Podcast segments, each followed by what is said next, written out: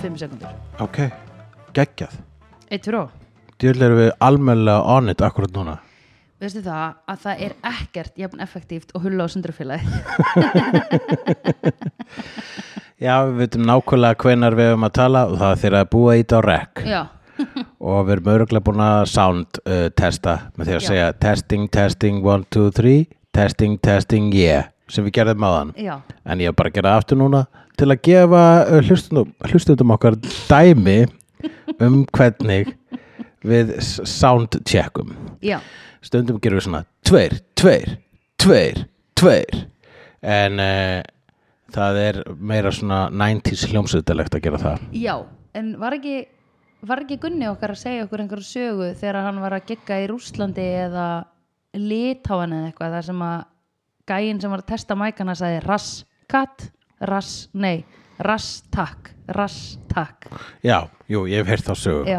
rass, takk rass, takk sem er eitthvað svona einn hérna kondu eða einn Já. halló eða eitthvað já, eða kannski mjög kurteis rasstjekkari Já, rass, takk rass, takk kannski að vinna fyrir eitthvað svona showgirls show í, í Las Vegas rass, takk hver er hann að tjekka á í rassanum? uh, á Jiggly Já, á Jelly ok hann You got er að the check- jelly? já, Takk. You hann got er the aðtöð jelly? hvort að áhörður séu ready fyrir þetta jelly sko. eða róa mikið jelly bara, ah, nei takk, too much Uh, hvernig segir hann þá nei þegar það er too much jelly in the rass? rass, nei rass, ó nei ég veit ekki, það er náttúrulega leðilegt að vera dónulegur uh, við f- f- fólk sko, sem að er einmitt í, í rassaröðinni sko ég þurf að veðja Já, af því þetta er fyrir framan eins og ég alla sagði, þetta greinilega. er kurtis rassatjekkari Já, já, já, já, rass takk, auðvitað. rass takk hann segir alltaf takk, Já. en síðan skráir hann niður Já, á þessi samt lítið er- blað þessi Já, góður. ekki alveg Já, einmitt. já, Góður rass, slappur rass. já. En segir það ekki fyrir framann alltaf því þetta er svona pingu eins og að vera í svona, og getur ekki vita hvort það sé slappar rass nema þú slappar rass sko. já, einmitt. Slappa rass, sé slappur rass, ekki slapp. já, Á rass. eh, já. Og, og, segir, og slappa rass til að tekka til slappur rass og ef hann er ekki slappur rass þá slapp sá rass Já. Sé slappur rass hins vegar, þá sleppa rass. þá sleppar rass Já. Já. Einmitt. Já. Ok, þá er gott að það er frá. Já. Þið eru að hlusta á Hulla og Söndrufélagið í uh, podcastinu uh, Vídeó þar sem Já. að við erum að halda upp á ammælismánuðin okkar Afmælismánuðinn. Þa, Það er þriðji í Það ammælismánuði er þriði ammali, já. Oh my god. og Ég eh, held sko upp á ammælisviku hjá mér, þannig mér finnst þetta ógila við það. Já, algjörlega Ég er og, svo glöður að taka þátt í þessu eða þú, gert, þú gerir þetta Jú, jú, ég, þetta er allt Já. saman mitt masterplan og mitt masterplan var einmitt núna að hafa uh, kvikmyndina Speed sem uh, viðfánsefni vikunar það finnst mér ótrúlegt Já, ég menna, ég man hvað þú varst imponeruð yfir honum uh, Keanu Já. uh, þegar við vorum að fjalla um galdrakallin í DOS, AKA Matrix uh, og þér þótt hann fallegur og ég var hugsaði mitt og ég uh, hugsa til sem sé þessar 90s, mynd, la- 90s action mynda já, hans uh, Keanu's já, og ég hugsaði svo svo við verðum að koma öðrum 90s og kannski aðeins yngri svona þremur, fjórum árum yngri Oh.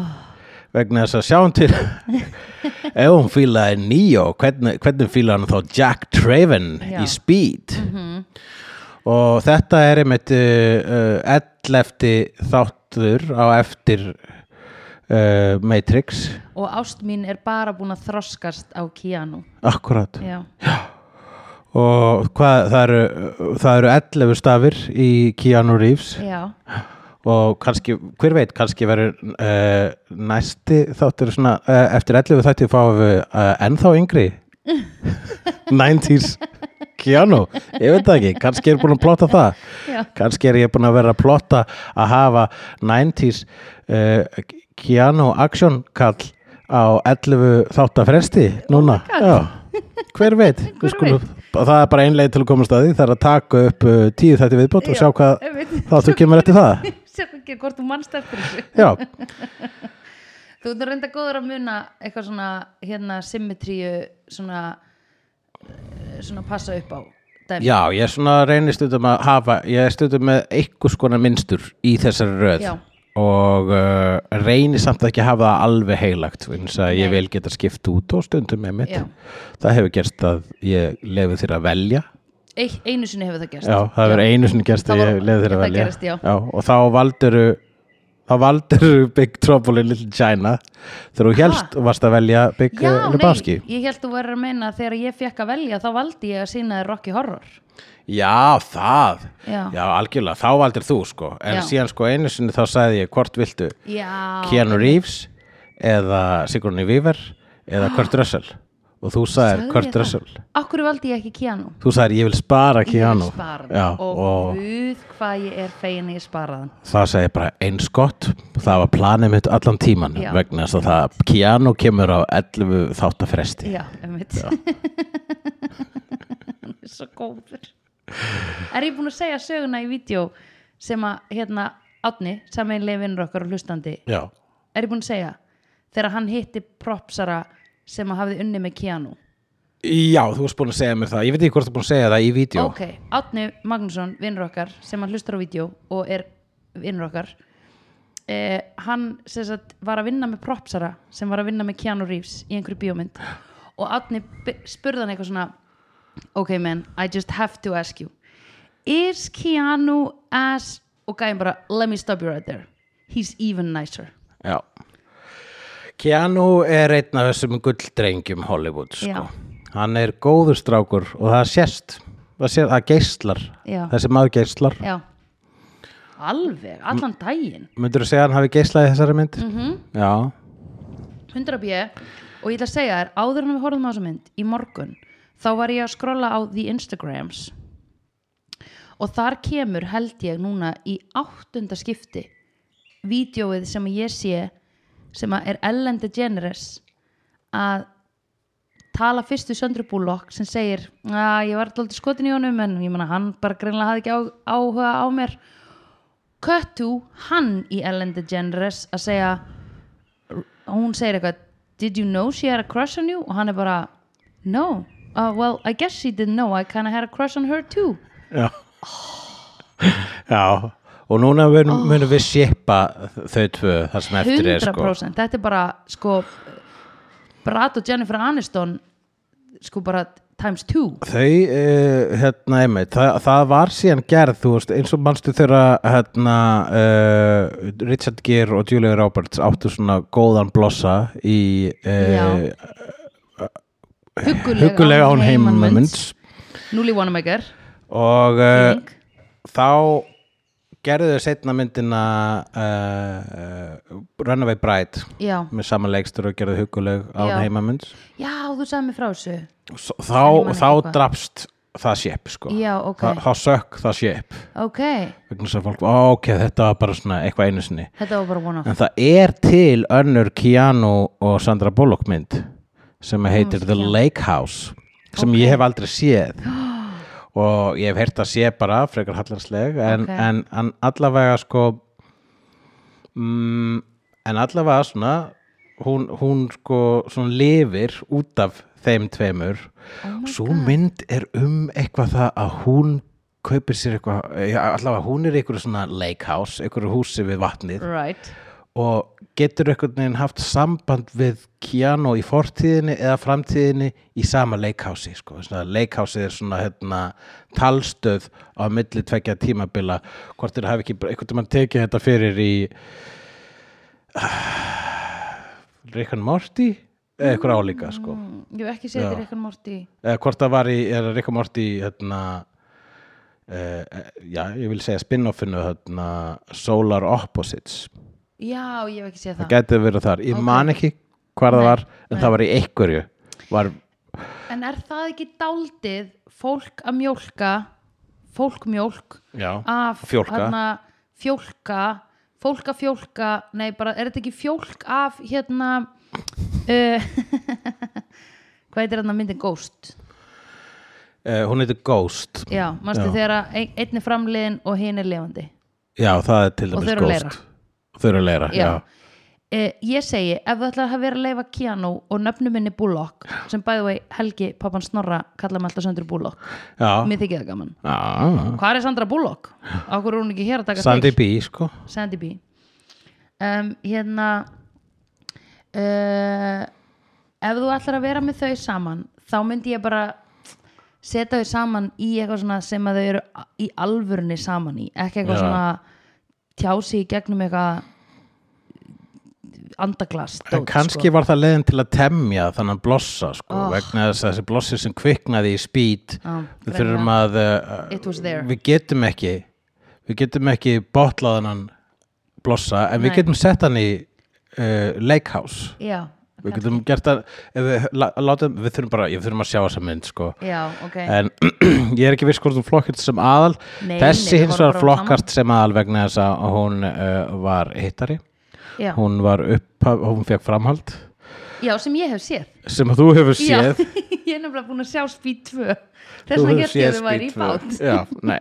akkurat En mér þótti það líka bara vera rosalega viðeigandi fyrir ammælismánuðin okkar fyrsta uh, og, og út frá þeirri staðrind að þú varst svona skotin í honum í Matrix og Mhm. ég hugsaði, hvað er það ekki um að gera að halda upp ammælið okkar með því að setja Sandy B Já. og Keanu í, í sömu Oh mynd hérna og my ræða það aðeins Let me stop you right there Even better og Sa Sandra var sko ekki, þetta var hennar svona breakout dæmi sko, hún var búin For að real? leika í nokkru myndum fram að þessu en þetta var sko, hún var á un í, uh, undan þessari mynd þá manni eftir henni sem The Romantic Interest í kvikmyndið Demolition Man með uh, Sylvester Stallone Ok, mann ekki og, og það er bara rosalega skemmtileg mynd en Uh, og ég man þegar ég sá það hana þá hugsaði þessi stelpa er sæt Já, hún er gegguð já, Hún er ógila kúl og þess vegna þegar ég hjá spýt bara hei, þetta er stelpan úr, þetta er stelpan þarna úr, uh, úr Demolition Man Já,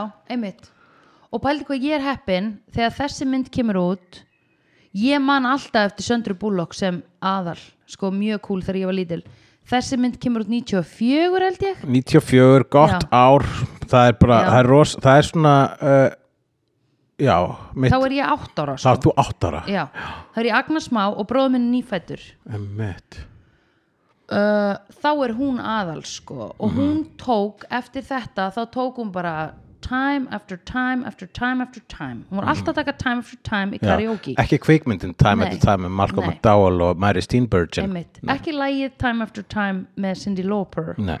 nei, hún tók bara alls konar myndir time after time og allar voru þær geggjaðar, er það ekki? þær voru allar svona blockbusters já, þarna eftir þessa mynd þá bara var hún ráðinn og Já. hún er búin að vera kvikmyndastjarna eftir það Já. sko. hún var þarna uh, var í eh, stuttu síðar í aðalhlutverkið í kvikmyndinni While You Were Sleeping já, ég á eftir að sjá hana og svo bara svona í mörgum mörgum myndi eftir það já, sko. Miss Congeniality, ég sá hana Miss Congeniality já, hún var svona undercover lögga sem var cool já, þegar sanginni eða eitthvað já, hún var sem sagt eh, eh, já, hún var FBI agent sem fer undercover í fyrir samkjöfni já, já. einmitt Já. hún er mjög töff svo mynd fekk mér þess að framhald sem var uh, Miss Congeniality 2 yeah, of course um, Nú, uh, þessi mynd þessi mynd, nei sko, þessi mynd er álag Já, ég, sko, ok, ég ætla að segja reitt ég spila ekki marga töluleiki í netskrabla og það er rosa gaman að því það er bara svona róandi og svo spilaði ég ég hef spilað leik sem hét eitthvað svona flight svona flight bird eða eitthvað svona flying bird eða eitthvað þar sem þú áttir að halda puttaninum ofan á skjánum meðan að fugglin var að fara svona ofan í dældir svo skaust, svo skaust hann upp þú áttir svona að ná svona momentum skilur að láta fugglin fara ofan í dældir já ok og ná einhverjum coins eða whatever Já. ég þurfti að hætti þessum leik að því ég spenntist svo upp í mjöðmónum að því ég var alltaf svona ég var alltaf með skilur alla mjöðmagrindina herpta þegar ég var að spila þetta nú stutt, fyrir stutt síðan þá opnaði ég aftur Angry Birds sem er finnsk hérna framlýsla Já, af töluleik og ég finn að þess sá leikur gerir það sama fyrir mig Mhm. að maður er að skjóta fuglinum svo herpist ég svona í mjadmagrindinni Já.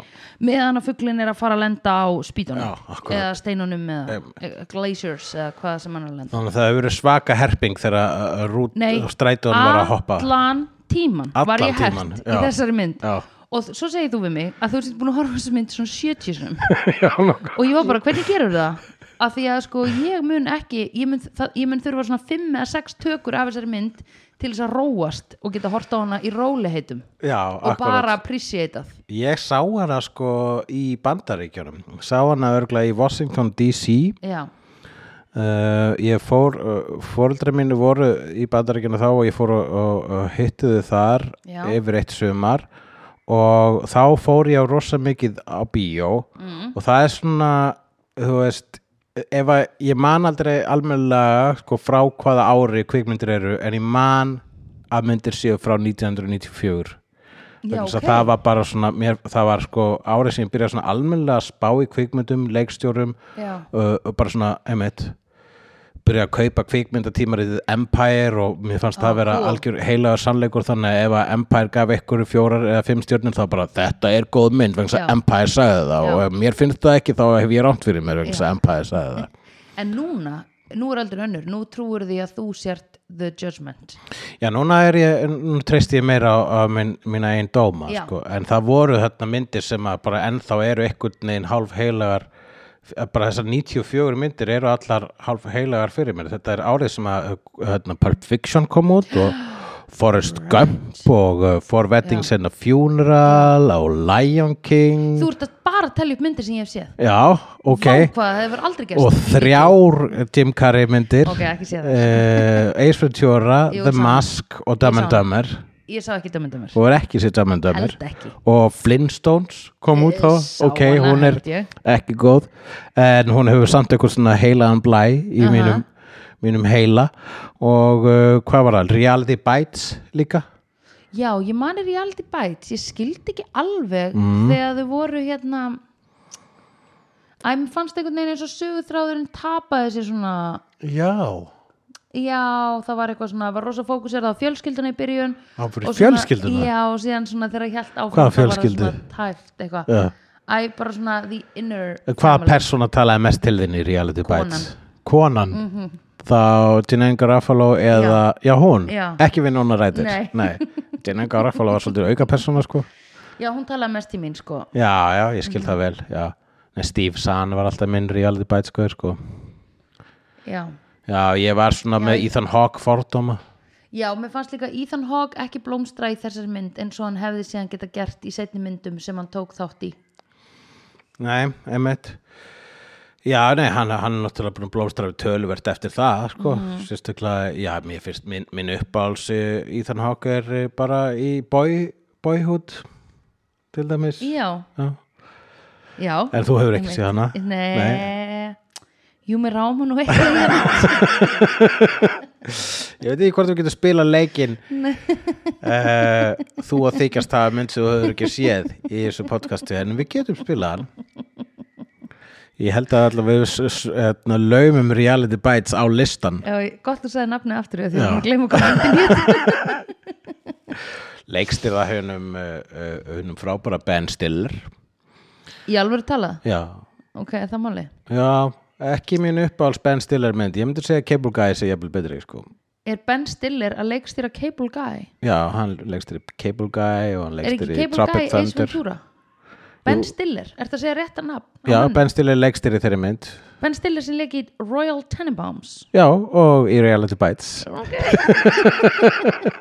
Þetta er ótrúlegt Ok, Já, ég get sagt þér að þessi mynd er svolítið prentið í hausin á mér ég, get, það, etna, uh, ég staðfesti það síðast þegar ég horfði á þessa mynd sko. þá var ég hérna á Nakatomi Mhm. og ástkona mín var, ég var eitthvað held ég á Zoom-fundi inn í Já, herbyggi já. og hún var hérna frammi Já. að setja eitthvað, hérna, setja eitthvað á já, og um, hérna, leið ég búin á Zoom-fundurum þá labba ég hérna fram og sé sko bara fyrsta ramman í myndinni og það er bara þegar að sko hérna, hérna, Inn í lyftu, já, mynd, hann að niðri já, f- myndin byrjar á sko svona myndavel sem sígur niður eins og lifta Já. í sko svona liftu sjafti, Ég er svona lifturýminu liftu vinnurými já, Já, utanum haldið um liftuna, já Akkurat, Já. maður sér það bara Já. og ég opnaði hurðina og sá bara þetta enga Já. stafi og ég sagði, ertu orða spýt? Oh my og hún var god bara, oh my god ég var skotin í þér fyrr en hún er Nei. ennþá skotnar í þér vegna þess að þú kannst spotta speed á 0-1 oh my god, og elskar hún spýt líka Já, hún elskar speed uh, hún var, ég veit ekki hvort hún var búin að sjá hana áður eða allavega hún horfði á hana þá og sem gerði það að verkum að hún uh, hérna, sagði, heyrðu, ég vil horfa á speed 2 og ég sagði, nei, þú- við skulum ekki horfa á speed 2, það er slæmynd ok, og hún Þá var hún sagði, já, ennþá skotnari í ég, þér." ég ætla að tjekka á henni og hún tjekkaði á henni og, og það var líka staðfyrst að já að Speed 2 er slæmynd og, og Sandra Bullock hefur sagt það sjálf að Speed 2 er eiginlega eina myndin sem hún sér eftir að hafa leikið í sko. oh my god, Speed 2 sem sé gerist um borð á á báti, báti og það er Keanu Reeves þegar hann fekk tilbúið til að leika í henni þá sagði hann uh, nei, myndin heitir Speed hversu hratt getur bátur farið í raunum veru já ok, og eitt af lélegustu ákvörðunum Hollywoods var þegar að þegar ákvörðu samt að gera Speed 2 ok og hafa sem sé Söndru Bullock áfram vegna þess að hún er bara nýbyrjuð í bransanum og bara já, Já.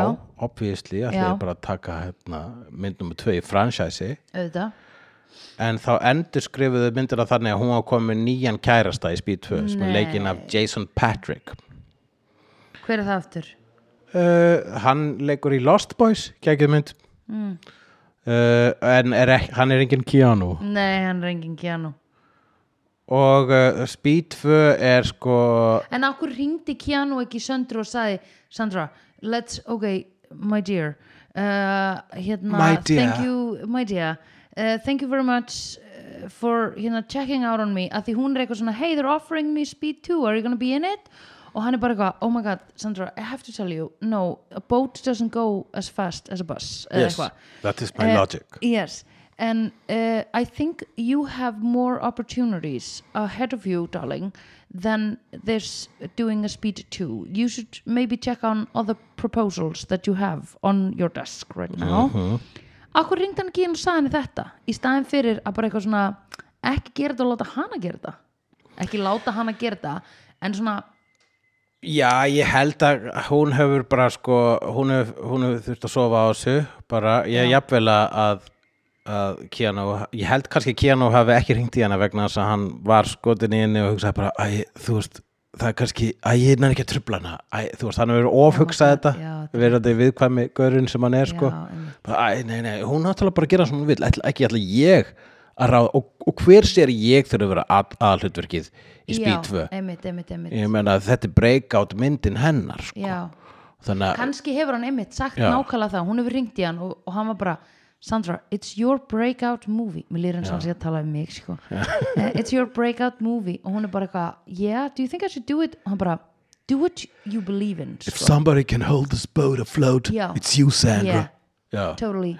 og hún er bara eitthvað, ok, K hún kallar hann K kannski, já. thanks K-Dog, K-Dog, Já. Key eða Key eða eitthvað þannig Key to my heart Key to my heart mm, hún getur ekki sagt það strax hún sagði hún bara, hún sagði ekki þá þau þurfa bara að byrja saman, það er bara starrend Eigaðu mann eða konur uh, hann á konu er í nokkuð Já. vissum sko. en á hún mann ég er ekki búin að fylgjast nógu vel með hennar Nei, ég veit, ástamálum akkurat núna, fóröldum sko. þeirra ástamál Já. en það er náttúrulega farulegt að fantasera um bara ástasambund fræks fólks. Nei, ég veit bara Keanu, að sí- að síðast þeirra tjekkaði átti Keanu, að síðast þeirra interneti lét mig vita að átti Keanu Mhm. konu og það er bara vegna þess að interneti er bara, oh my god, Keanu konu, fremjum sjálfsmorð, þetta er búið Já, já, já, já Le- bara fristum okkur þangað til þangað Oh til my að þetta er búið en hann er svo Þetta er- góður að þetta verður líklega aldrei búið Já, þetta er uh, sko sick út af því að hérna, einn aðleikari í hana, þáttunum sem við horfðum á sem heitir Buffy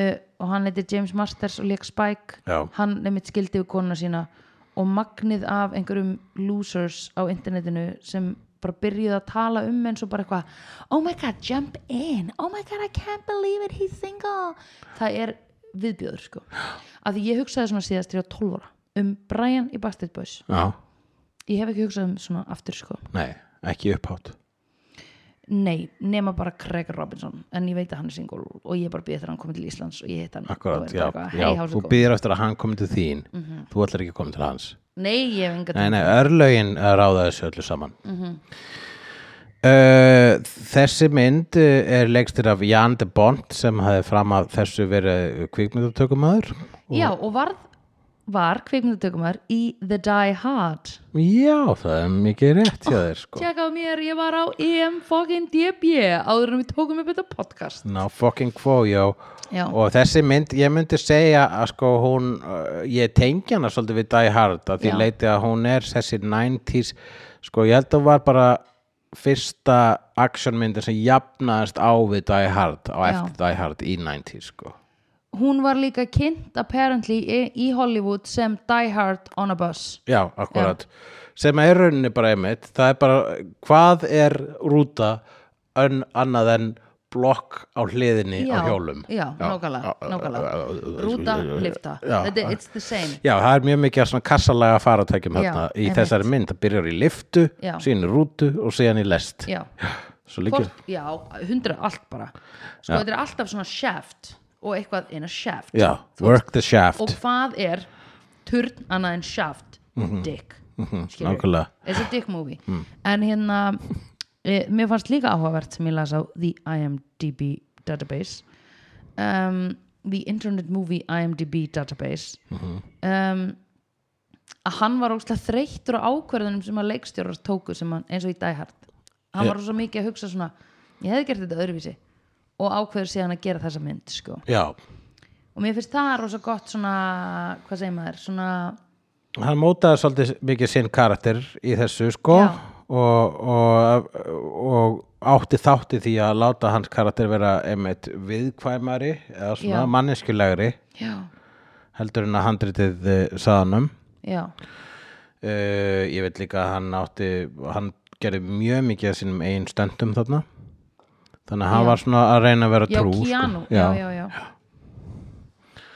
Uh, ég var að tala um leikstjóran þú varst að tala um Jandi Bond Já. já, já, já, ok, ok, ok já, leikstjórin var búin að vera að horfa á Die Hard já, og hann vera, vera kvikmyndutökumæður í öðrum myndum þar sem að hann er að taka svona "N- en ég myndi ekki gera þetta svona en þú getur ekki sagt það því þú ert ekki leikstjórin einmitt, þess vegna ákveður hann að gera speed ég skil já, sem er loaded af cool stunts og cool shiti Mhm. og Keanu gerði 90% af stuntunum sín Þessi mynd er líka, hún er bara svo hún, Sem er bilun. einmitt, eins og daghertur svona conceptually eh, einföld Mhm. og meira einföld vegna þess að hún gerist bara um borð í einn rútu, þú getur ekki hoppað á milli herbyggja að farið inn í hérna Nei, Í það eru bara loftræstikerfið. sömu búningar allan tíman já, akkurat, gerist þetta á einum degi Mhm. uh, og uh, og er líka sko með alla þessa farþega í rútunni sko, þá er þetta svona, það verður svona lítið lítið community já einmitt Ég veit að eh, myndin reyndar eh, eh, f- til að byrja með þá var handritið þá var meira fókusað á einmitt eh, alla farþegana Já. allir höfðu sína sögu og fyrst Já. jafnvel að vita þeirra sögu sko svona þeirra dag Já, uh, allra áður en þau fóru í rútuna já, því var sleft svona þegar það- þegar það var að vera að strömlínulaga Mhm. handritið og það meikar líka alveg sens og á ég núna að segja þér hver strömlínu lagaði handritið Já, ég við vitum það Hver er það? Það er hann Joss Víton Jú, það er hann Joss Víton Joss Víton var alltaf fenginn til þess að Hann lappa upp á dí, endurskrifaði- díólókana Já, endurskrifaði hann bara eiginlega allan sem stendur já. Uh, Meira veit ég ekki Uncredited af E EMDB Þetta var þegar Joss Víton var bara frekar nýr í Hollywood og hérna, þannig Mhm. Ekki að búin að traumatæsa alla í kringu sig Nei, Var bara nei. Ah. traumatæst in himself hann fekk að gera það eitthvað tíma svona undir miðbygg uh, Já. og Buffy Já, en, uh, en þú veist, það verður ekki tekið frá hann að hann er góðu penni já, já og uh, og hann sem sé það vissi ykkur að hann verið góð penna þannig að hann var ráðin til þess að Mhm. lappa upp á handritið, gera díológana meira snappi og skemmtilega Mhm.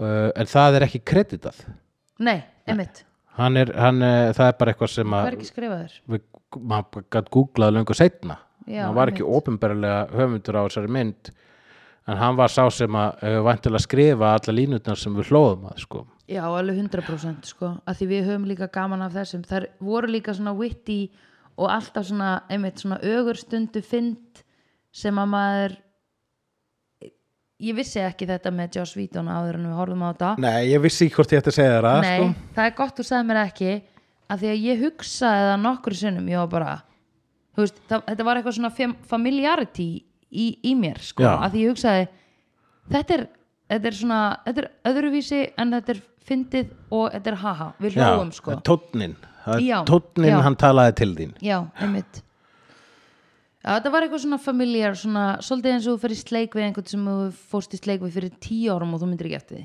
Uh, já, akkurat bara svona, já, já, já, ég, þetta, þetta er svo kannski svipað á þegar ég uh, uh, byrjaði að horfa á Marvelous Mrs. Maisel þegar uh, ég var bara, vá, hvað þetta er eitthvað svona einmitt fyrir mig og, Já. og þetta er eitthvað kunnulegt hvernig, Já, hvernig þau tala og svo bara eftir fyrsta þátt bara, ó, þetta er Amy Sherman Palladino sem gerði Gilmore Girls já, já, já, já, já, já, já, einmitt eða eins og þegar ég horfði á Avengers fyrstu Avengers myndina og eftir eiginlega alla myndina var ég að ég hef séð hana Já. og það er vítan Það, já, Víton, einmitt, gerði hana sko og, og hann er, einmitt, og, sko, þessi Vítonismi er, svo- b- b- b- var svolítið blúprint sko fyrir, já, e, já, fyrir e, Marvel heiminn eftir það sko, en það Já. er margir sem eru hafa líka einmitt komu úr sama skóla sem að síðan bara eins og rússobræðurnir, þeir eru mjög vítonískir sjálfir sko. já, já, já, já, einmitt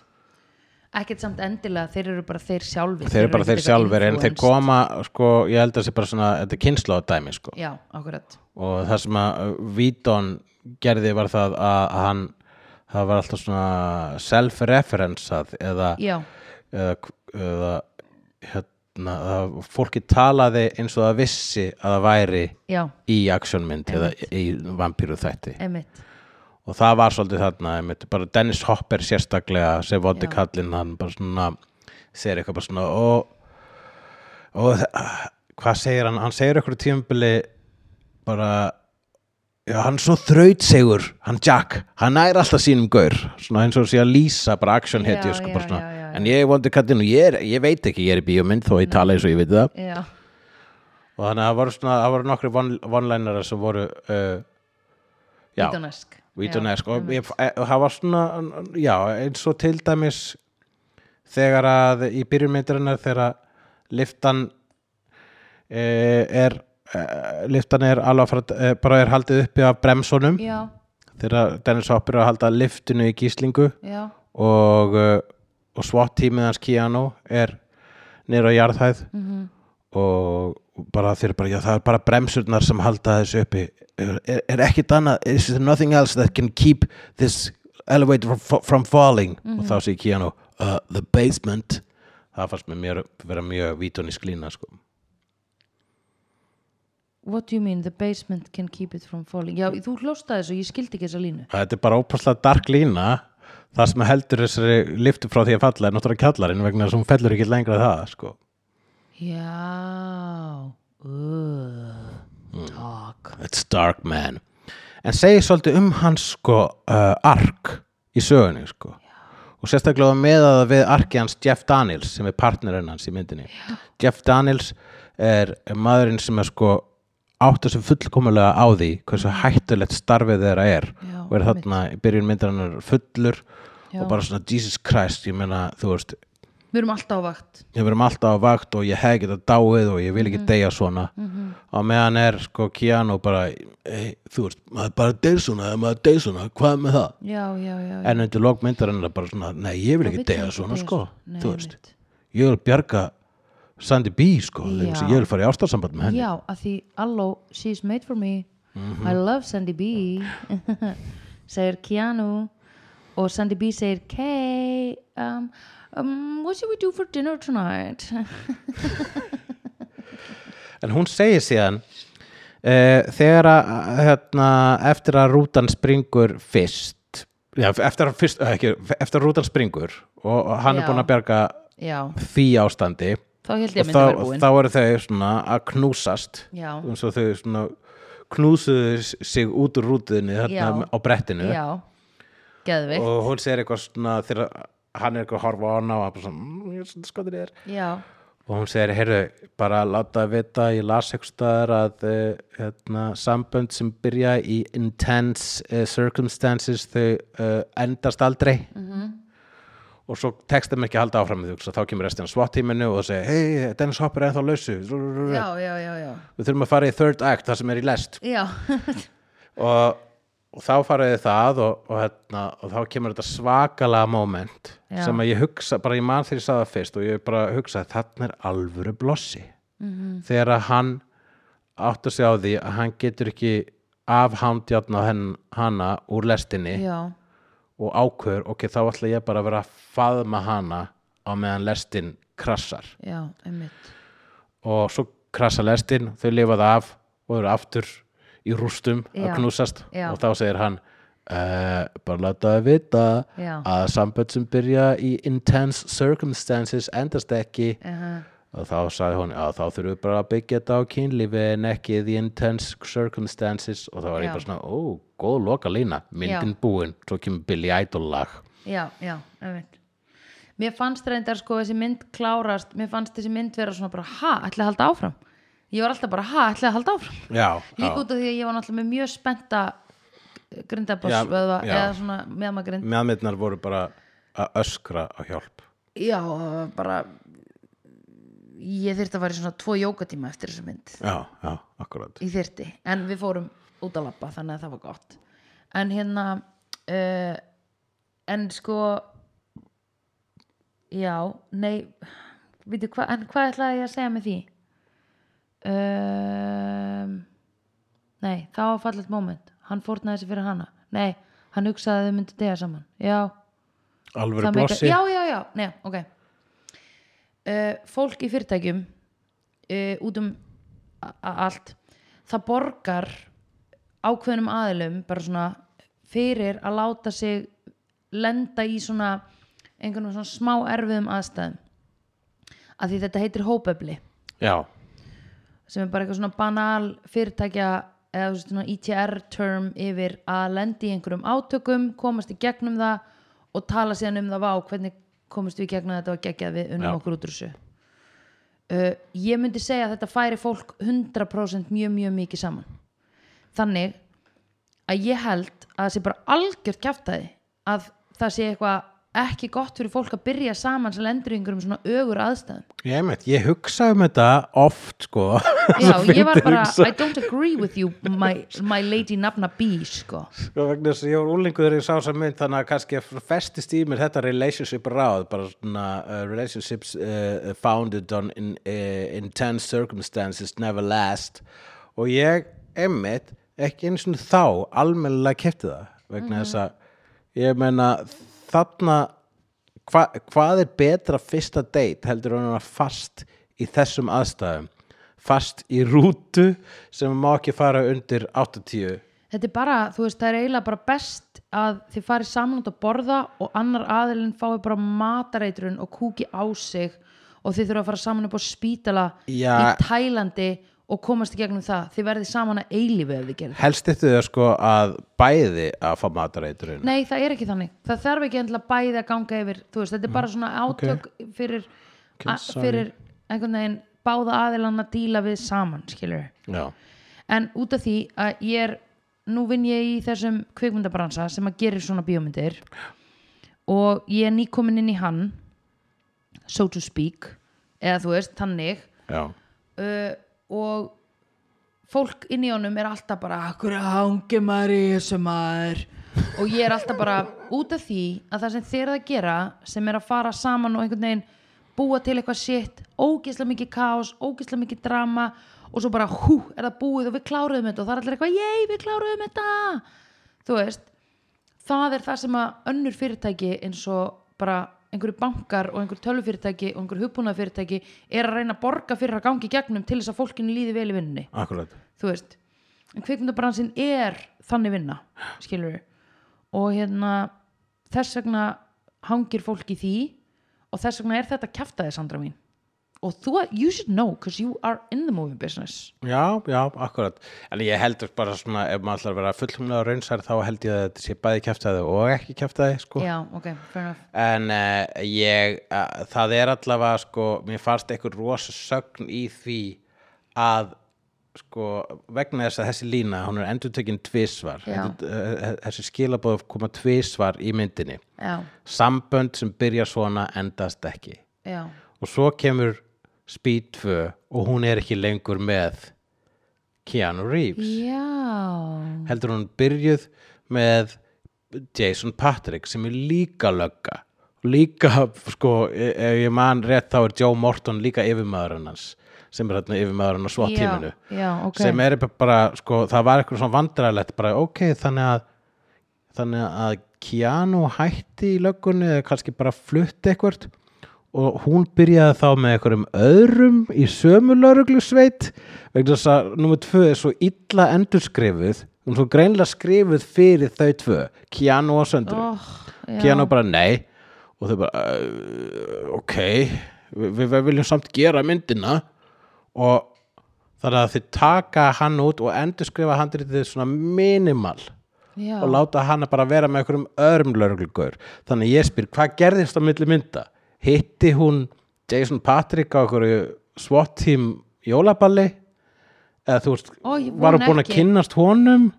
ég vona ekki Já, þetta er bara sko, öðna, þessi ég, en er Keanu bara ekki dáin Það er getum við bara, haft það hún, ta, hún minnist á hann í einhverju einni e, smá, smá einum smávægilegum díalóg bara svona Já. og segir við Jason Patrick bara ah, manstu síðasti kæristi minn, hann var svona líka og Já. þess vegna þurfum þú að hætta please ekki vera þannig líka og svo er hann Ok. bara, jú, ég er nákvæmlega eins persóna nema Já. ekki Keanu já, já, já ég er nákvæmlega ok, það er ókslega gott og núna um borð í skipi og það er Já. bara einfallega ekki jafn spennandi vegna þess að Nei. það er skip þó að Willem Dafoe vóti kallinn já, hvað var málið með Speed 2 eða þú veist, voru þau í báti og hvað mátt hann ekki hætta að þau keyra? fara sem sagt í frí á svona eitthvað cruise já, í eitthvað svona, ekki alveg svona cruise ship en svona, þarna svona mini, já, mini cruise ship Right. sem getur silt rosa hratt, alveg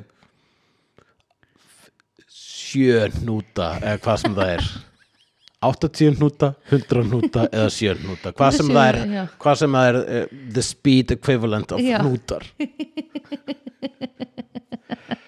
og svo mynd bara hún bara funkarar ekki, leikstýra samagaur já, ok sem að e, í millitíðinni leikstýri hann, e, hann leikstýri Twister sem var mjög Ég sá entertaining hana. mynd já, ég sá hana, með Helen Hunt með Helen Hunt Mhm.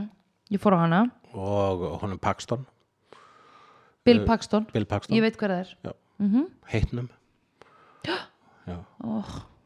þar var líka Philip Seymour Hoffman og þar segir í, þeirri, í tvistir þá segir Philip Seymour Hoffman þegar þau horfa á einhvern risastóran hverjulbil It's not a moon, it's a space station og það er hans leið til að segja hversu awesome tvistir þetta er en er að vísa í Star Wars ok, það fannst mér mjög hvað cool sagði hann? við- It's not a, It's not a moon, it's a space station já, sem að Death Star var já, já já, það fannst mér með vera I got mjög, that mjög, reference. mjög cool vísun en það er einmitt bara uh, hérna, ég mani, ég las eitthvað tímann í Entertainment Magazine eða eitthvað áleika þá var verið að hérna, telja upp 100 uh, smartest things uh, the, the smartest decisions uh, in Mhm. Hollywood já, og þá var uh, númer eitt Keanu Reeves að ákvað ekki að leika í Speed 2 já, númer 2 held ég að hafa verið Harrison Ford leikur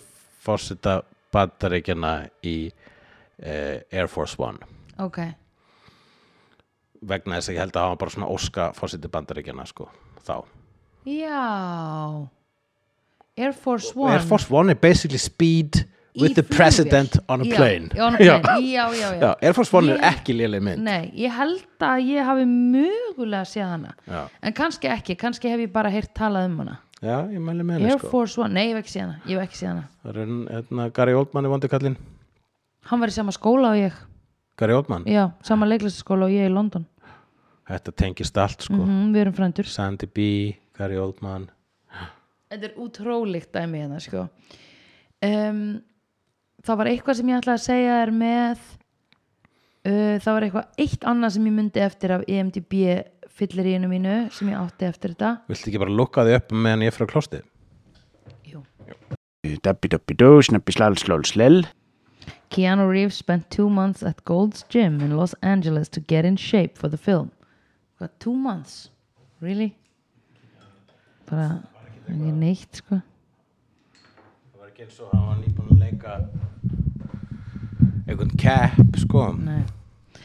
Um, ég ætla að segja, það sem ég man eftir af E IMDb fyllir í einu mínu var að þeirra, nei það er tvent, eitt sem ég ætla að segja sem var að það var referens í hana Space Odyssey í login, hana Stanley Kubrick sem við höfum ennþá ekki hort á í vídeo. hérna, lestin krassar rétt hjá bíói sem er að sína Já, 2001. já, þegar ég sá það þá hugsaði ég, hm, þetta er ábygglega merkilegt lasaði það á IMDb það stóð He always makes Kubrick in a reference in his film this hann að Jan von Tron eða hvað hann heitir sem Ég er leikstýrir bara þessu. glaður og, og flettir þessu upp, eins og ég skráði þetta niður einmitt bara. Ég man að þetta var eitthvað að Jandi Bond dæmi.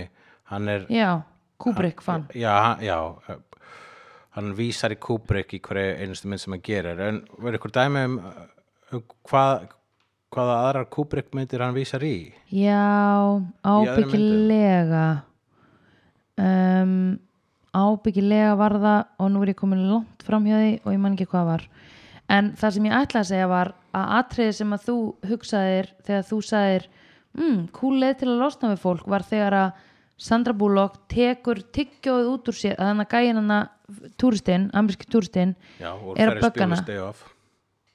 Já, við möttum að horfa á hana Aha.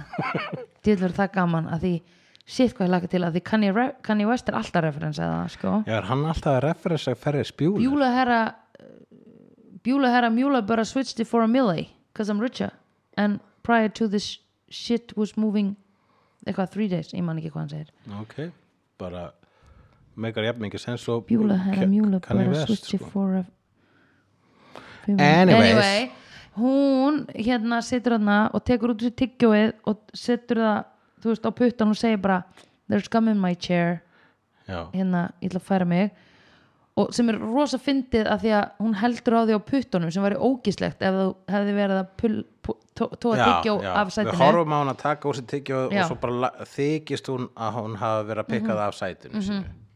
með puttunum og sínur hún það Mjög gott trikk. það er improviserað af Sandra Bullock I know. já, Já, en bara hei, þú veist allt Nei, ég, ég vissi þetta en ég er voru til að segja mér eitthvað sem ég vissi ekki, sko. Mm. ok, ég ætla að finna eitthvað meira sko, O.J. Simpson Já, það er eitt Ég skrifaði hérna bara 1994 á punkturinn minn þar sem ég skrifaði niður allar myndinar frá 1994 sem eru líklega á listanum sem eru Four Weddings, Reality Bites, Dumb and Dumber Flintstones, The Mask, Lion King Ace Ventura, uh, Forrest Gump, Pulp Fiction og Clerks eiginlega vinsalasta bíómyndin það ár var bílaeltinguleikurinn við O.J. Simpson sem var já, og O.J. Simpson fer í hvíta bronkóin sinn þetta Já, ár já. þetta, ég var í bandaríkjunum þá ha, og heyrðu mig nú, ok ok, wow, crazy bara hérna sneið úr æfisögu hullands yeah, give it ég to us og Þorri bróður minn vorum hérna, með fóldrum okkar í Washington DC og við förum á á 17. júni í eitthvað Íslandikapartí þar sem að Íslandikar eru í íslenska sendiráðinu ef mann rétt obvi, og við okkur hundlegist þar þannig að við fáum seðla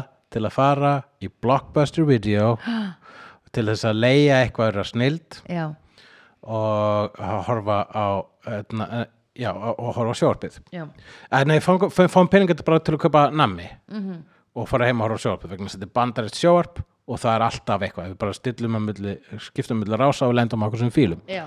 þurftum ekki að leiða neitt einmitt, However, þegar við kveikjum á sjóvarpinu er sama myndin okkur einustu sjóvarstöð og það er þessi þyrlu twist. loftmynd af O.J. Simpson í hvíta bronkóðunum. var hann að flýja eitthvað Hann var að flýja, já, hann var að flýja lögin.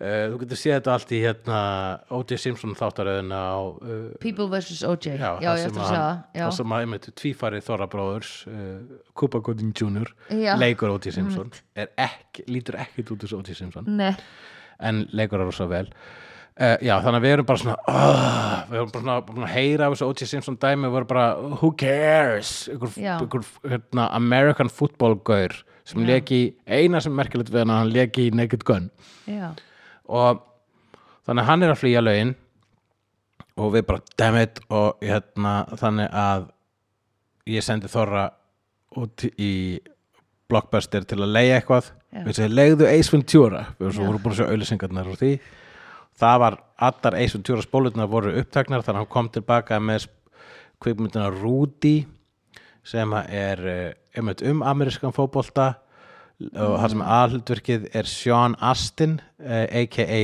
já S- Be- eh, Sámur Sam, já, í Lord of the Rings og ég var bara "Ah, sorry og, og og hérna Þorri yngri en þú og hann skammaðist sín fyrir að já, taka ég skyndilega var ákvörðun. leiðilegur sko. Ég Varstu var- það ekki? Jú, ég sé eftir því sko. Ég Líka trúi sé þér. eftir því vegna þess að ég hef heyrt að Rúdi sé góð mynd Já, ok, einmitt en ég hefði hvort er ekki að prísa í þetta þá sko vegna þess að bara Nei, einhver- en það er líka hlutverk eldri sískina að vera uh, að æróla yfir yngri sískinum Já uh, Þannig að og ég held meira að segja eða kannski er ég að bara blanda sama minningum en ég held þetta er sama da- sa- á þannig sama dag fór ég í klippingu eftir að hafa verið að sapna hári í tvö ár, ég var með slöngulokka niður fyrir axlir Oh my god, og þeir voru klipptir að mér þannan dag oh my god og það var einmitt það sem að sko Speed kom síðan sama ár Mhm, sáum hana sama sumar mhm, -hmm.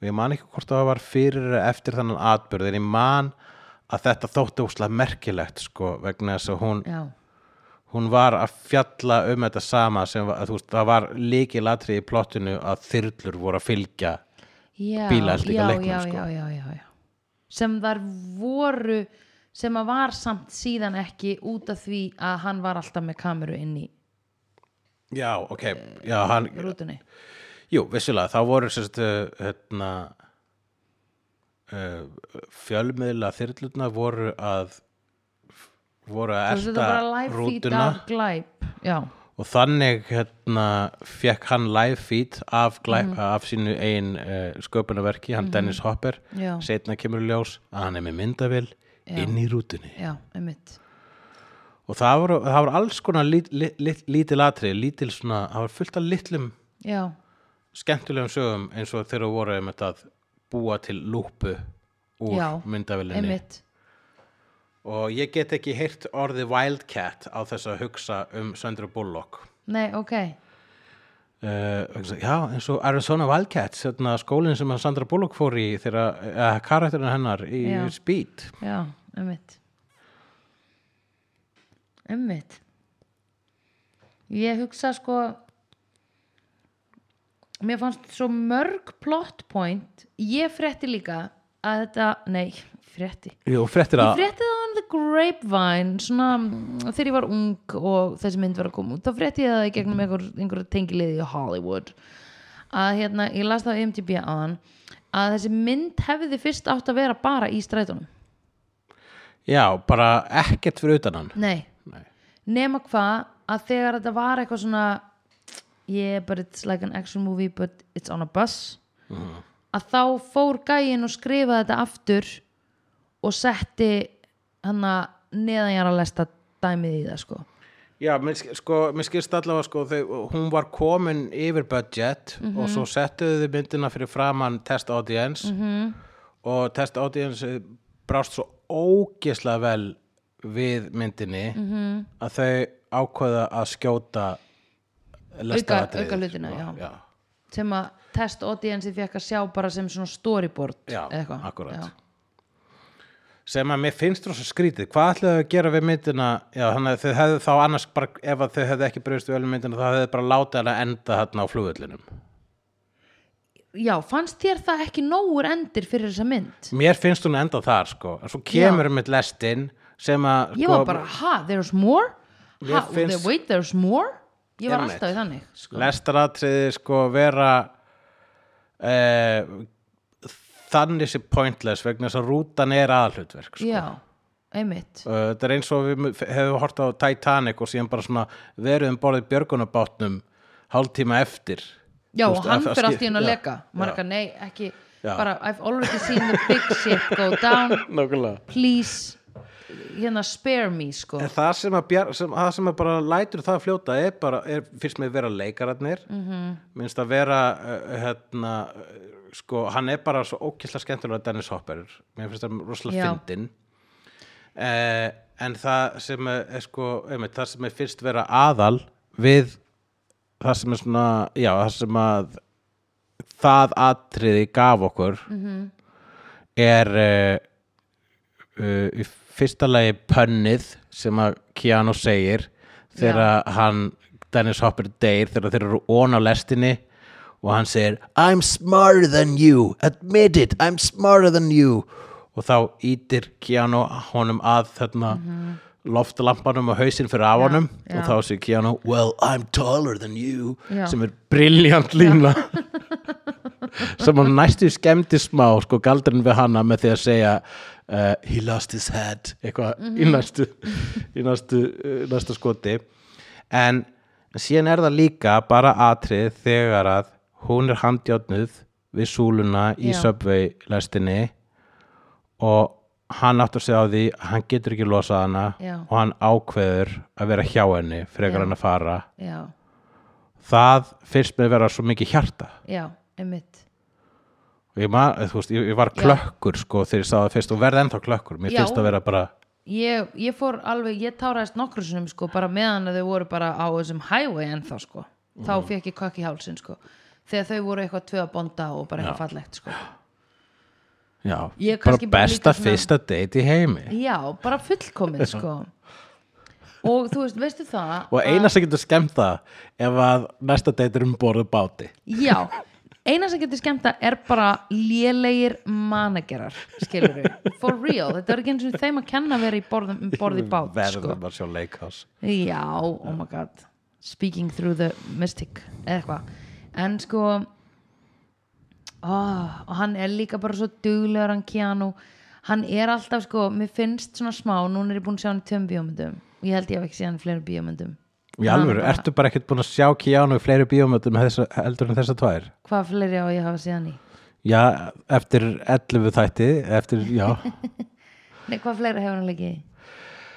uh, já, Keanu Já. bara John Wick er nýja nýja þingið hans sko Ó, það það er geggjað sko Ok, ég hef ekki séð það það er það sem að Keanu sko, það kom eitthvað sem ég kalla pappahemdarmyndir sem að byrjaði almennilega með Taken með Liam Neeson Give me back my son Oh. nei, okay.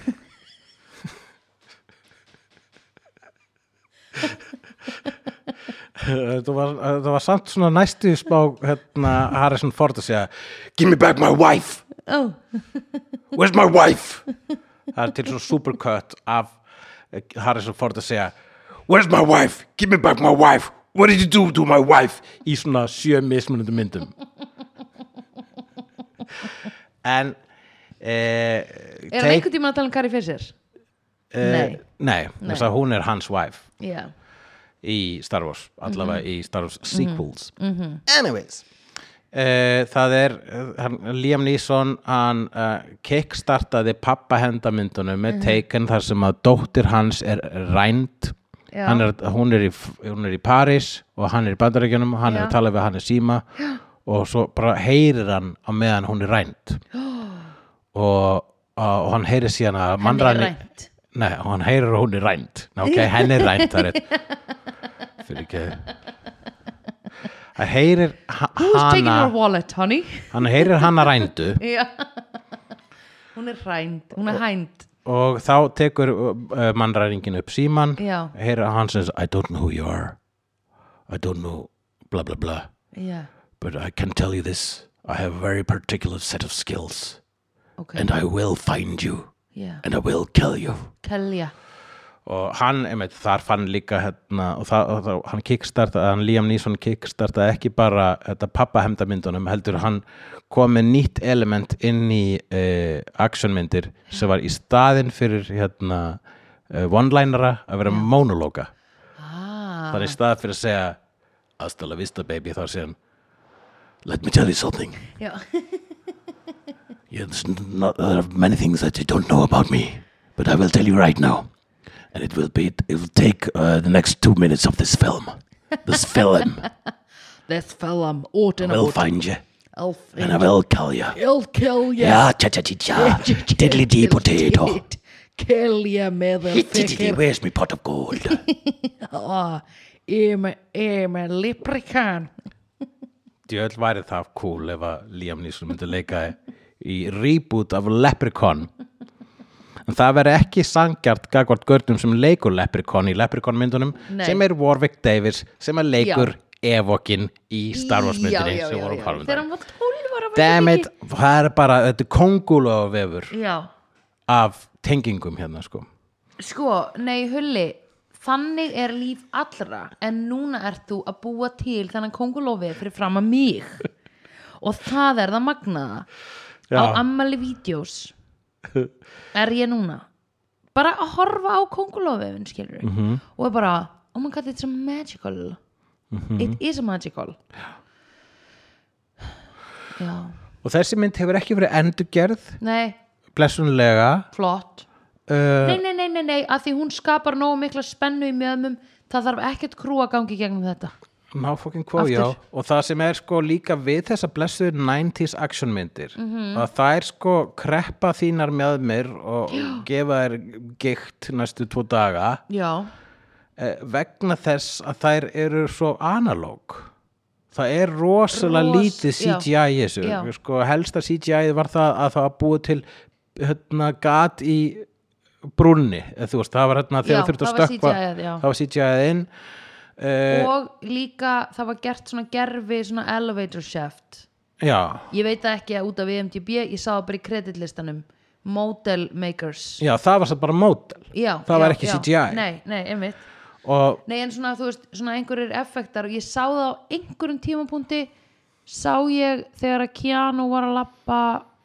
nei, þegar hann var að labba inn í sem sagt, mekaníkin í kringum liftuna að þá var á einhverjum tímapunkti sem ég sagði að þetta er fake bakgrunnur á bakvaðan eða þú veist, hann var eitthvað svona eins og hann var í já, flýftur inn í já, þetta. já, það meikar nú alveg en sens sprengingarnar skilur Já, talandi um alvöru blossa sko, það var ekki Jesus bara Christ. alvöru blossi á milli þeirra tvekja heldur bara alvöru sprengingar já, rosalegar sko. Pyrotechnics uh, per, par excellence Já, og nú er ég nýbúin að vinna í bíómynd sem sem að hérna, við hafa að gera svona sprengja við hörpu mm Mhm.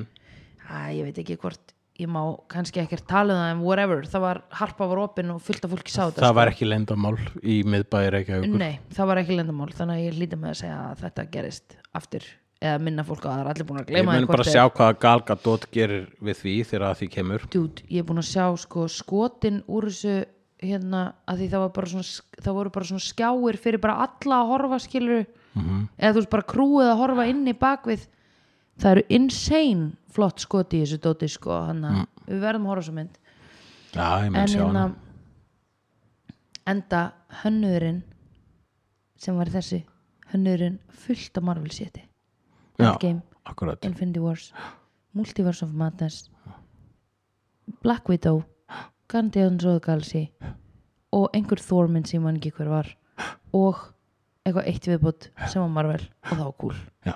Það var það að tala um sami hönnur og gera myndina uh, sem við erum að fara að horfa á sem heitir Heart of Stone held ég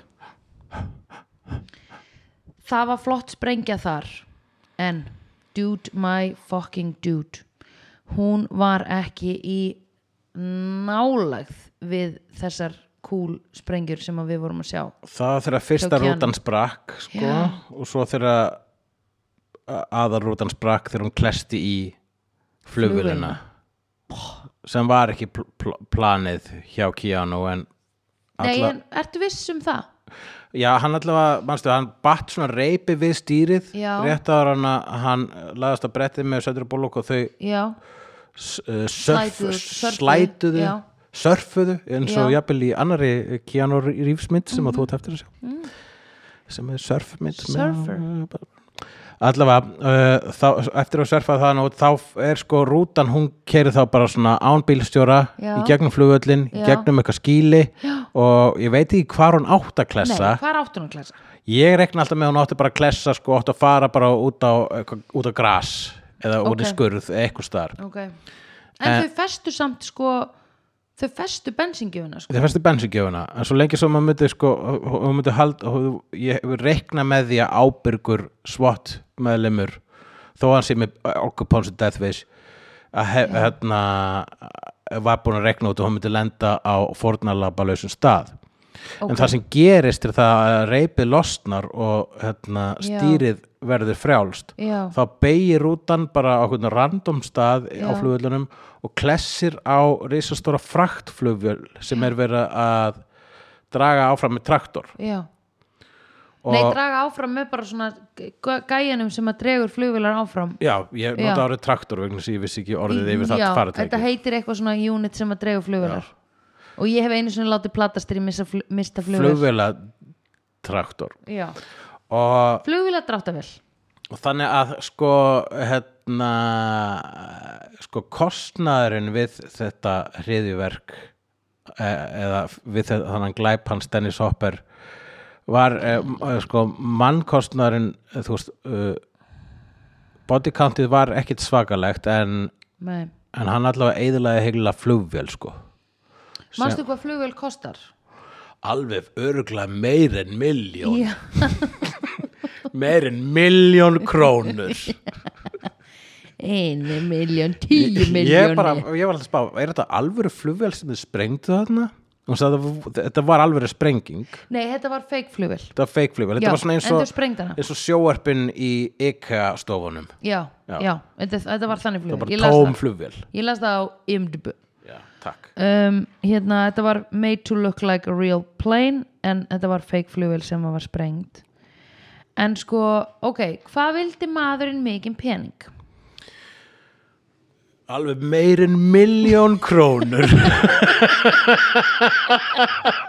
við getum rætt vondakallin í þessari mynd Dennis Hopper sem að er sko legend -hmm. hann er einn af sko hippu, hippa rebelunum -hmm. sem að voru, st- hann er einn af stæstu nöfnunum í e, endurreisna tímanum sem að hófst með e, hófst í the 60s og endaði í the 70s hófst Já. með Bonnie og Clyde Já. og endaði með uh, hérna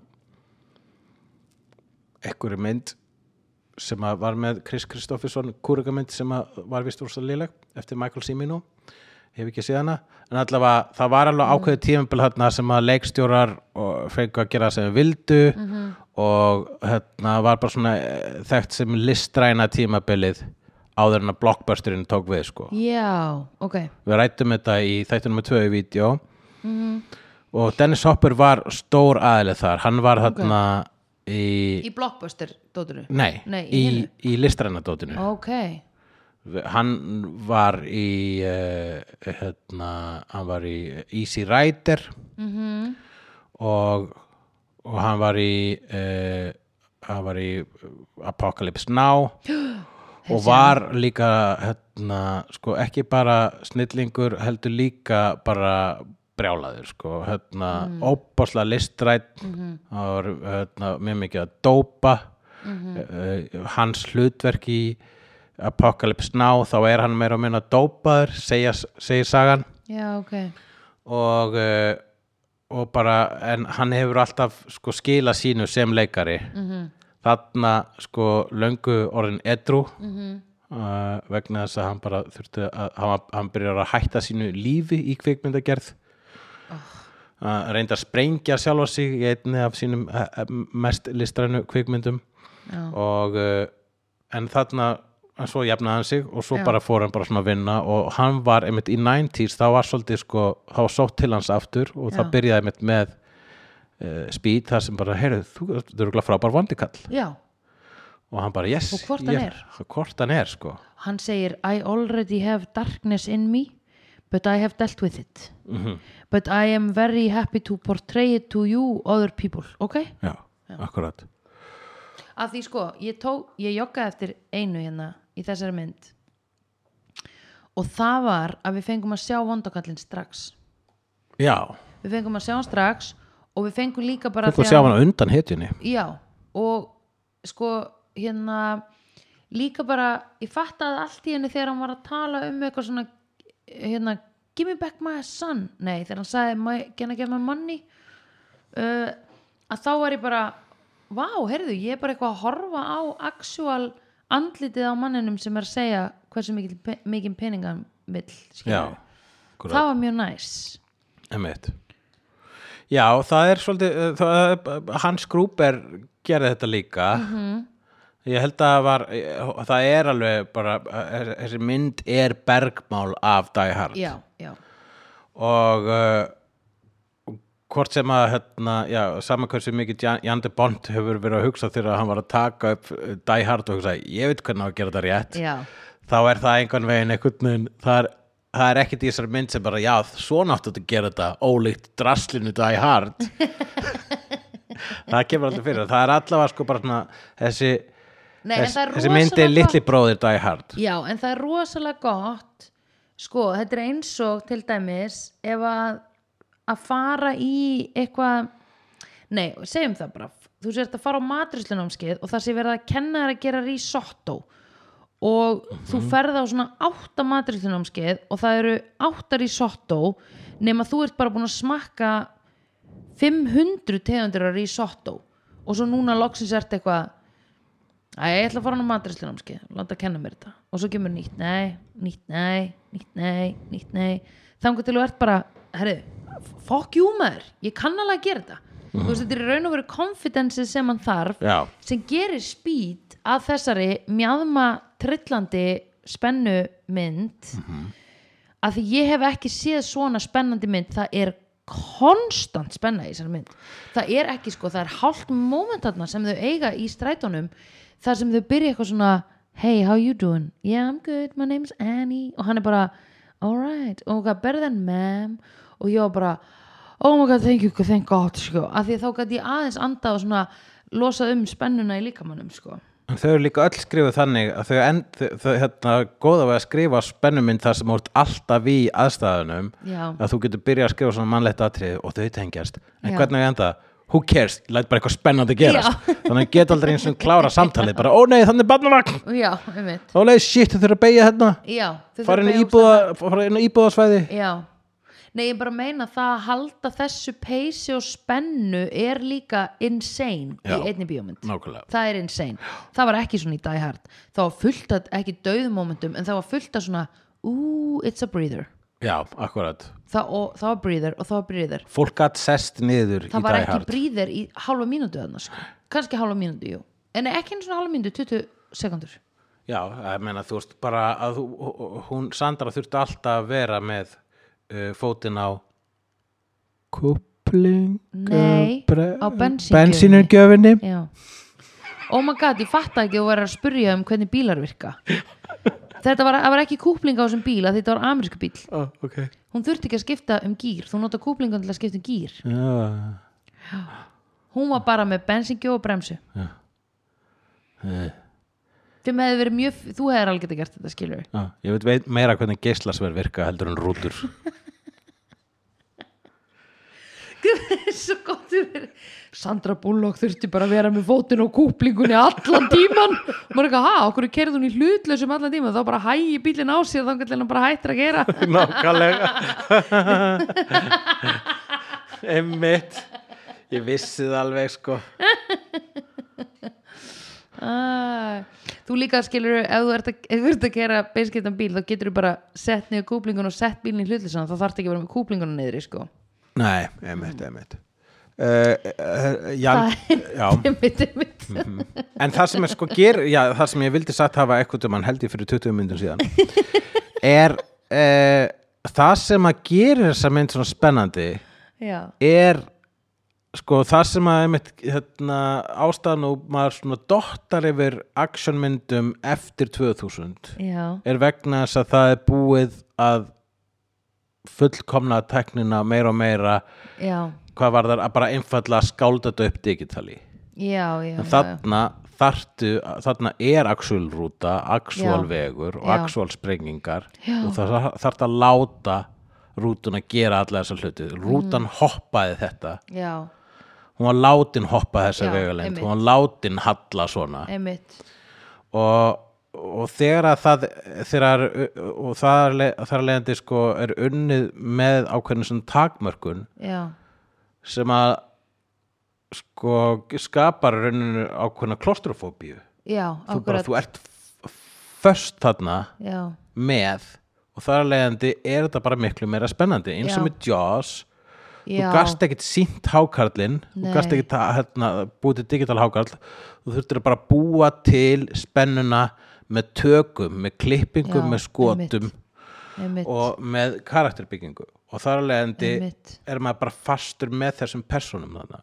einmitt þess vegna er hún kannski svona taugatrekkjandi þessi mynd sko, eða þú veist spennuvaldandi það eru sko mjadma þrengjandi myndi ég segja sko mjadma þrengjandi mynd já, eh, það eru sko actionmyndirnar í dag sem eru virkilega góðar actionmyndir Mhm. sko mér finnst eh, Marvel myndirnar æðislegar en ekki vegna þess að það er svo gott action í þeim nei það eru flottir slægir já, það er samt svona aðal en það eru En svona ævintýrin risa- og það er bara m- m- hérna, emitt, það eru karakterinnir þar já, og, og mytológian það er allt annað sem að bara, bara heimurinn Já. rauninni sko, sem þú investar í þar það er ekki til dæmis eitthvað svona eitthvað springur flott í Marvel þá er maður ekki eitthvað wow Já, ég meina, en come þarna var on maður sko. bara wow Mér er búin, þú veist, það er búið að to- Marvel bara er að, að toppa sjálft sig endalaust já, þannig að uh, þú veist, eftir að Thanos er búin að snappa burt helming uh, lífs í alheiminum já crazy by the way þá er ekkit, þú veist, það er ekkit hægt að toppa það og það er ekki verið, hvað næst nei, heldur bara svona, hvað mun Antmann segja fyndið í næstu mynd já, já, já, já munu, eru Antman og Vosp að fara, er eitthvað er eitthvað svona, eru þau fyrir kannski að fara að eigna spatt? Eitthvað, hvernig mun þessi díla við post-traumatic syndrome hérna úr að hafa mist sinn loved ones í Infinity Wars, skilur það er það sem við viljum sjá um Marvel Mhm. nákvæmlega, bara Iron Man 3 þegar hann, það er mynd um það að Iron Man er bara að jafna sig á Avengers því sem gerist í Avengers 1 Já, það er rosalegt Já. sko. Þannig að- Vandavision er bara um vöndu að vinna úr sínu Stan Lee sagði að comics væru uh, fairy tales for grown-ups yes. en ég myndi jafnvel segja að sé sábó bara fyrir children right Eh, þar, eh, en, eh, en og þannig að þú veist, það er bara allt annað pakki og þú veist, það er á, ástæðan og, og horfir á þær myndir er það en ekki aksjónið í rauninni Nei, það, er bara, það er bara slaufan og umbúðuna sko. en þegar maður gerir aks, í, í þá daga þegar fólk gerir aksjónmynd þá þurftu fólk að bara svona að búa til aðstæður já, sem þú gast verið investaðar í einmitt og þú kynni karaktæra í upphæfu myndar og það er ekki búin að vera neitt stóri á undan nei, og, og það, þú veist, svona myndi voru dime a dozen, sko, það var Já. mjög ógislega mikið af Die Hard uh, copycats eftir Já. Die Hard einmitt og allir voru bara, já, þetta er bara Die Hard þarna, þetta er Die Hard þarna þetta er Die Hard já, já, eh, on a á, á, bus Die Hard á uh, hockeyvelli, þetta er Die Hard í, einmitt. en þessi flugvél. fekk að vera svona smá eitthvað svona sér á báti, eða ekki? já, hún allavega sko bara fyrsta leið bara, þú veist og er góð, það er það sem að gera hana Mhm. Já. að næsta Die Hard já, vegna þess að hún er bara svona, hún virkar og það er ekki bara vegna þess að hún er dæjarðana bæðs, það er vegna þess að hún er bara mjög faglega pökkuð saman já, einmitt ég er fullkomlega sammála því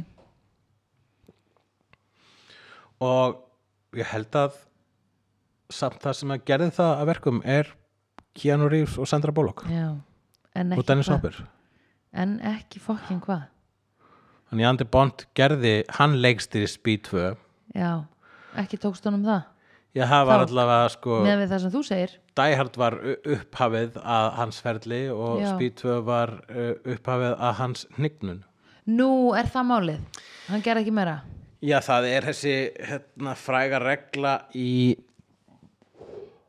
í hérna Hollywood er þessi three strikes you're out já, ok ég veit ekki hvort hún gildir ennþá Nei. en uh, það er þannig að ef þú ert með hittara Já. þá getur þá farðu annan aðra kveikmynd Mhm.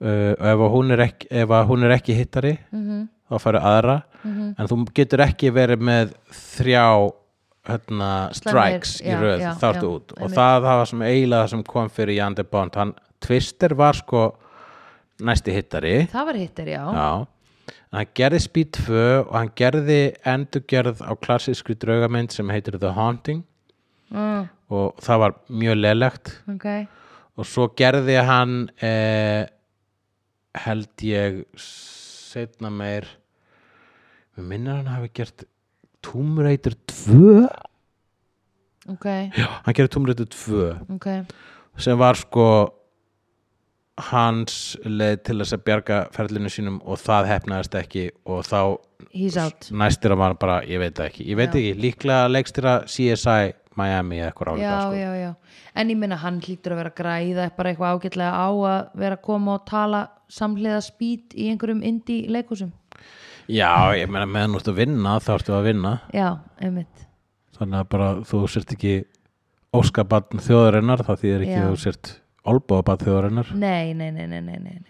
nei, nei, hann er ábygglega að vinna eitthvað Jan de Bond já, heyrðu, það voru nokkur, nokkuð mörg hei þessi í þessari bíómynd -hmm. og sérstaklega ein hei þessi sem var konan sem dott út um þegar að ingangurinn á strætónum var sprengdur niður og hún kuðlaðist þarna undir strætónu og dó það er kona sem að lék líka í hérna Don Darko og fyrst og fremst lék hún í þeirri stórkostlegu sjónvarsdáta seríu Angel þar sem hún múraði són sinn inn í vegg Akkurat.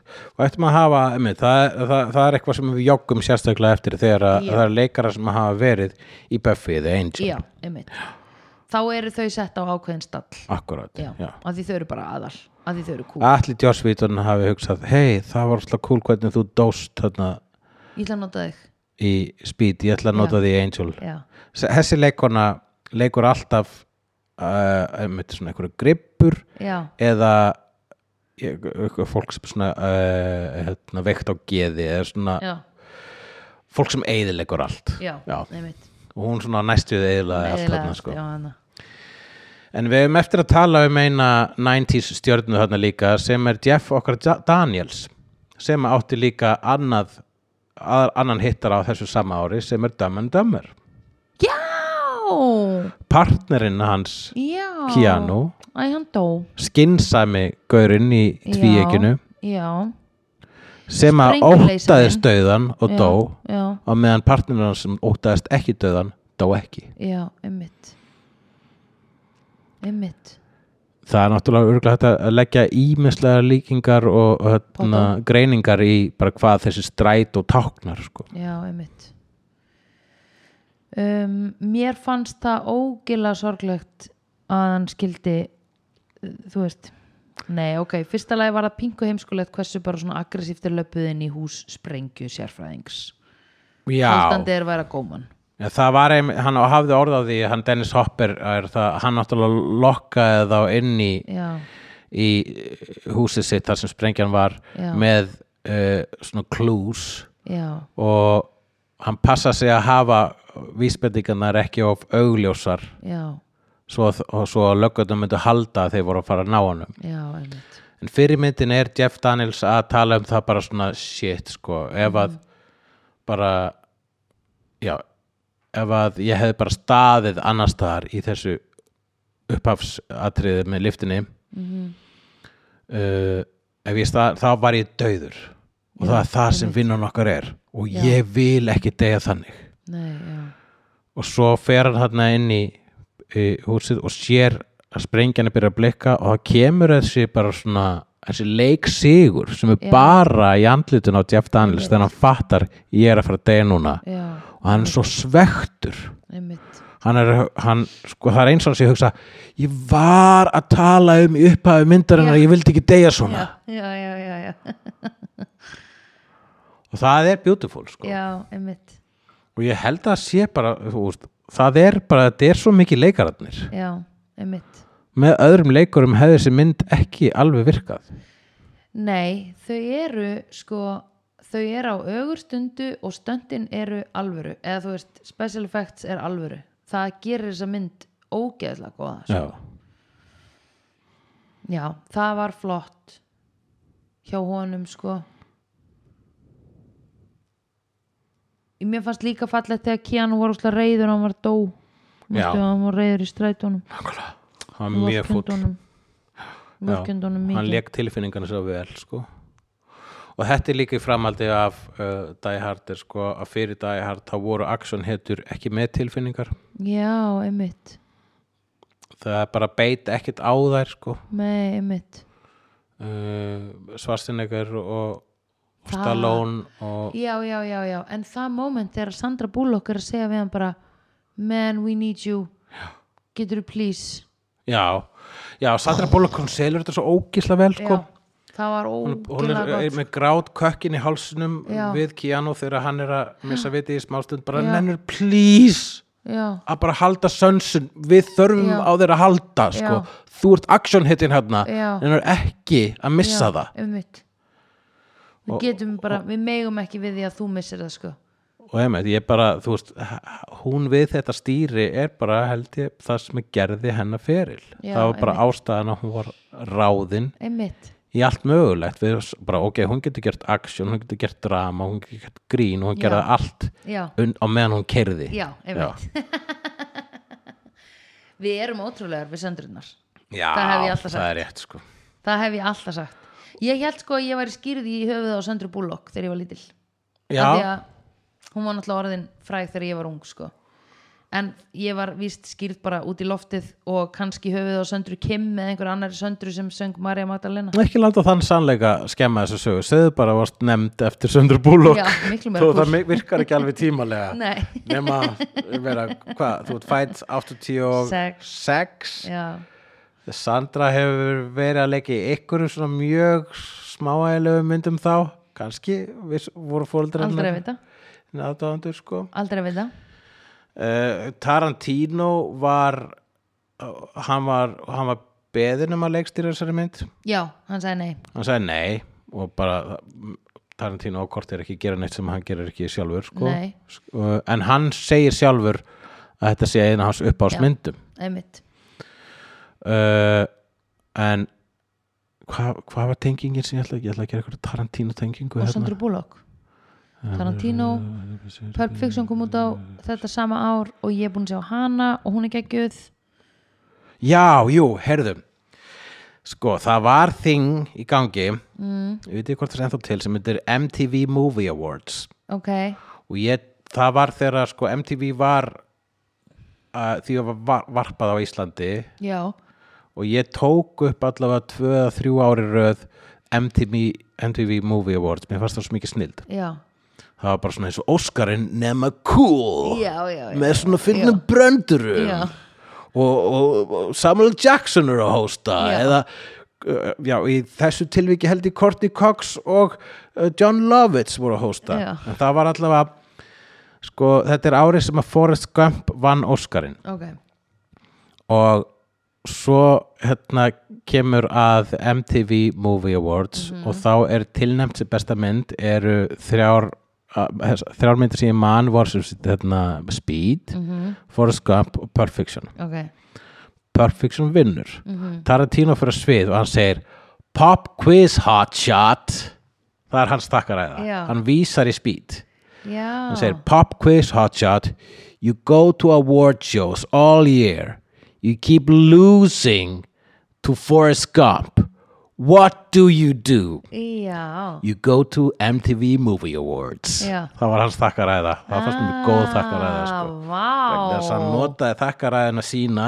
já, og, ví, með, þi- og, og Upphóf til þess að speed. vísa, já, Já. vísa í já speed það er mjög cool pop quiz já og hrauna yfir Forrest Gump Já, sem, já. sem já, og er, sko, Forrest Gump var búin að fá alveg nógu mikið jörg sko. já, já, já, akkurat sko. það var líka bara eitthvað Forrest Gump var bara too much man too much man var hún ekki pingu too much man eða? ég grét yfir Forrest Gump og hef alltaf gert en uh, ég hlakka til að sjá hana núna í upplýstur í tíma já, einmitt Life was like a box of chocolates já, ég held að sé einhver Bara- svona djúpur ableismi sem að á eftir að, á eftir að Já, Eða, jú, það Þetta er pottþétt eitthvað búið að sem skoða að mjög eh, margar greinar um Blackface Robert Downey Jr. Jr. myndi kalla Já. full R-word það. Já, emmitt Æj, æj, æj En við skulum sjá hvort við erum búin að fara yfir alla nótuna mínar hérna mm Mhm. Liftan, Flott það var einn heist þessi í liftinni upp, upphafi mm Það var uh, gaurinn sem að, einn gaur sem var í Angel Já, ég, ég glemdi að segja ég ætla að segja að hann var heit þessi það var eitt sem var heit þessi sem ég man ekki hvort var í Buffy eða Angel Hann var í Angel, hann var hérna uh, í Angel fjórðu serju bókabúðar maðurinn Já, já, já, já, já, já, já. sem að Nerd. skvílaði í Fred Mm Nerd, einmitt uh, alveg sprengingar, sættarbólok, tyggjótrykkið uh, Jú, hérna, við getum talað um þegar hérna, Keanu Reeves yfir tekur bíl saklaus uh, vegfarenda uh, saklaus uh, ö- ökumanns Já, ég myndi alltaf láta einhvern fá bíli minn uh, hvort sem það væri Keanu Reeves eða uh, einhver sem að sýnir mér skjöld og segir this car is stolen now Um, um, Conf confiscated confiscated, yes um, að því ég keiri um á bílalegu bíl sko en ef að ég væri nýbúin að kaupa mér einhvern svona flottan convertible er ekki convertible sem að þú getur sett svona þakið niður -hmm. já, uh, með enganúmeri þá myndi ég segja að pottet eitti ég daldi miklum peningum ég að spara mig fyrir þessum bíl og valdan daldi vel og satt daldi mikið á honum áður en ég lappaði út úr bílasölunni með Það kom fram reyndar að þessi maður væri tryggður þessi, já, já, Bílstjóri. já, já. sem er reyndar þessi karakter fáránlegt. er síðan með comeback, eða þú veist, hann Nei, kemur í aftur í Speed Speed 2 2, já, nei, ok. og þá uh, held ég að Jason Patrick stelur bátnum hans oh eða eitthvað my líka god og hann bara, Ég why verð að does this, sjá- this happen to me uh, before, but with a slightly different white guy uh, ég verð að sjá hvernig Jason Patrick lítur út það er það sem hefur búið að langa að gera allt þetta podcast já, ok, þessi já, ég veit ekki alveg hvað þetta er Uh, ok, alvöru blossi, O.J. Simpson, Dennis Hopper, flugvél Springer, relationships that start in intense circumstances never last, uh, well I'm taller than you, uh, momentið í lestinni, Billy Idol, lagið endar, nefn bíómyndin endar á því að þegar stafinu koma og kemur lag með Billy Idol sem Já. heitir Speed, sem er Speed, give me what I need, yeah! sem er ekki besta Billy Idol lagið, ég er mikill Billy Idol aðdándi en uh, 90s var ekki hans besti áratúr Nei. uh, þrátt fyrir að ég er einn af fáu sem ver plötuna Cyberpunk eftir Billy Idol sem kom út þann áratug Nú Hvað kendi þessi mynd okkur Speed? ok, ok, þetta er spurning sem er langt síðan að koma í vídeo síðast Ég veit að vegna þess að það hefur alltaf verið augljóst hvað myndin að kenna okkur ekki vegna þess að ég glemd að spurja þessar spurninga í middiltíðinni við erum alltaf búin að analýsera það áður svona óavitandi kendi, hún kendi okkur að give life a chance Nákvæmlega Keanu Lífið er ekki, þó þú sért svartgæi Já. þá er það ekki bara þú veist, Nei. h- hann trýtaði lífið eins og leik já, já og bara, drrr, bara á þetta, á þetta, á þetta, á þetta svo allt í hennu var þangað hann til að vondikallin stifti honum uh, í þannig sin, sin ein leik já. og þangað til hann fann eitthvað sem að hann hugsaði þetta er ekki áhættunar virði sem er the maverick nei, the, hann var ekki eh, búin að the missa wildcat. eina gaurinn sem að nefndi með honum að hanga Mhm. og búin að kynnast einu gælunni sem að nefndi að banga -hmm. Mhm. Og og hann ætlaði hugsaði hann að- lífið, ég vil þanga Já Hei, hvað ertu að lesa? Manga? Nei, ég var til þess að manga um spýt anyways, Sandra já, þá er komið að loka spurningunni já og hún er svona hefur þú séð kvikmyndina The Shining Nei, jú, Hef- ég hef séð fyrstu tímyndunar að henni ó, Fimm mínútunar að henni ok, það eru Eina mínútu af henni þólanlegustu mínúturnar af The Shining þú verður að sjá The Shining ok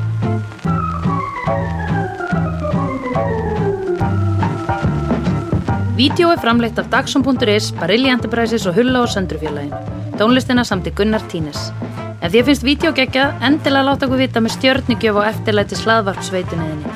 Því það eigur líkur á því að fleira fólk reykist frekar á vídeo í allir algoritma drullinni. Næsari feitur sá sér slíkur.